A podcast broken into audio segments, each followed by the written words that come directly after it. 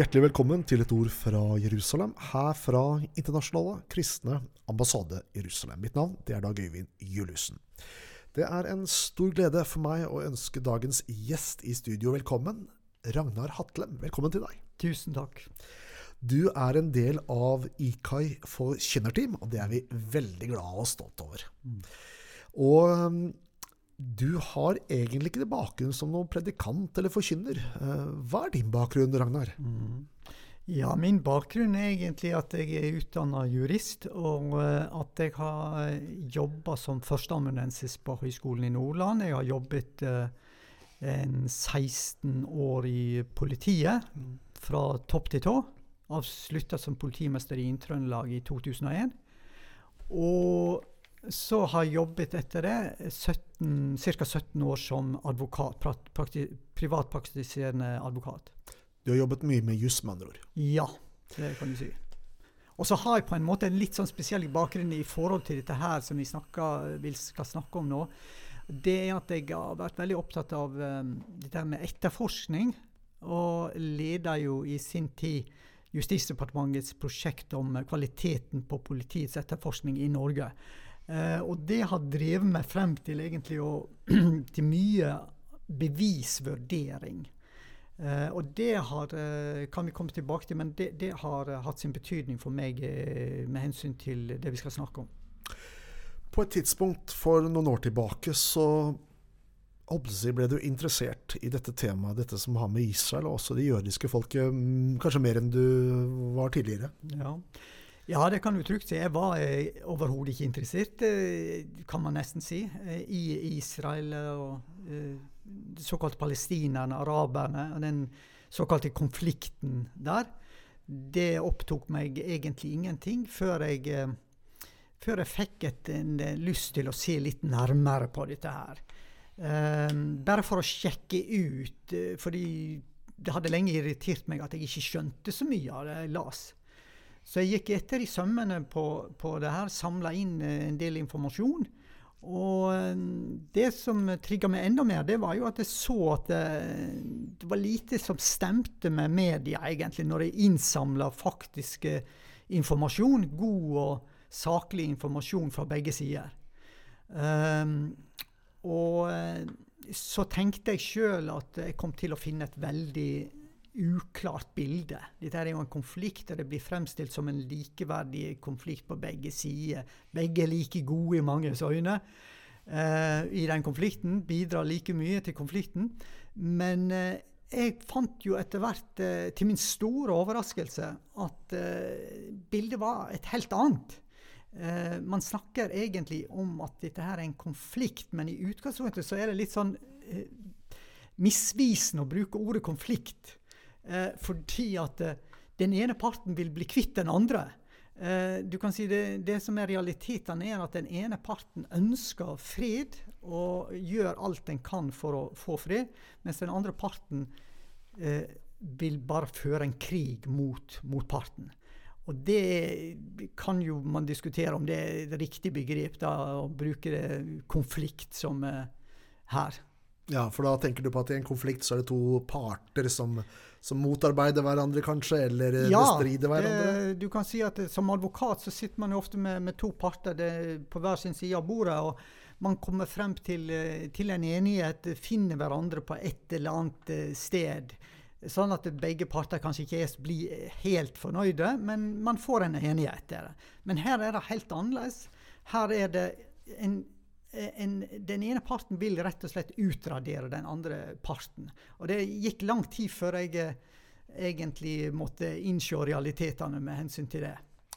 Ja, du sier innse realitetene, for du ble forfatter, du. Og du skrev boken 'Palestina Israels historiske og folkerettslige legitimitet'.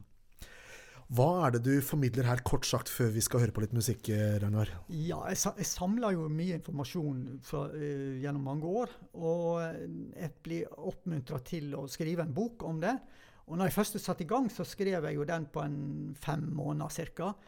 Og det, det, den handler egentlig om det rettslige grunnlaget for Israel.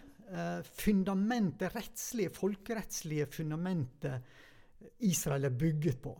Uh, og la det være sagt med en gang, det folkerettslige grunnlaget for Israel det er, det er sterkere enn for de aller fleste statene i verden.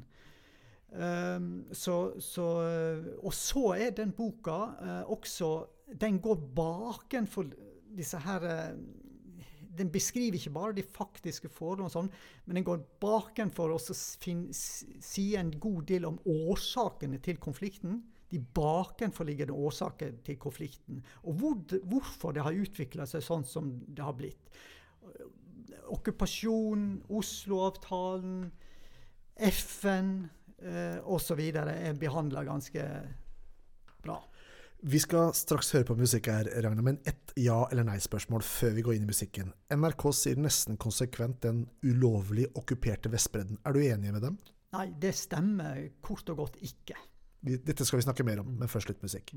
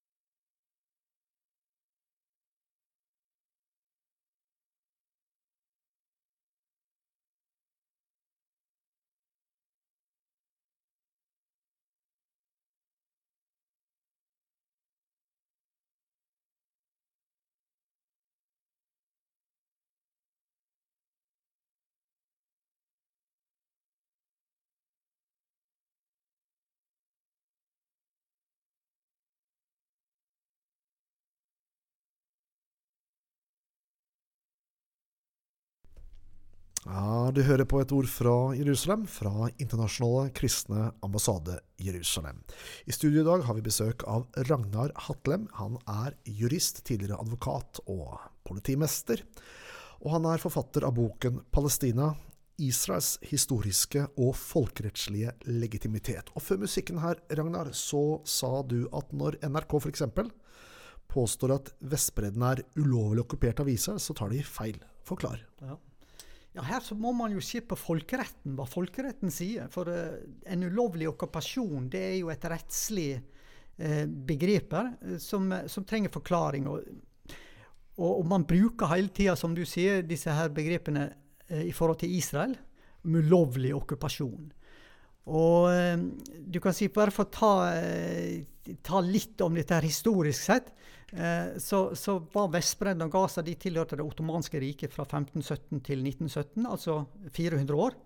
Eh, så, eh, og I den tida så hadde jo verken palestinere, såkalte palestinere og jøder noen egen stat. Og så kom man da frem til første verdenskrig, og da skjedde det veldig mye avkolonisering og mandatordning er to stikkord som er veldig stor betydning. Men ånden var at man skulle avkolonisere staten, og at man skulle gi tilbake eh, områden, landområdene til folkene.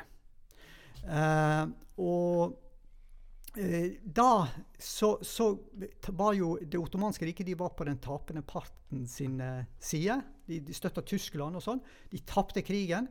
De ble oppløst. De ga områdene da rettslig sett så overførte de eierrettighetene til hele Palestina, altså inkludert selvfølgelig Vestbredden og Gaza, til eh, jødene.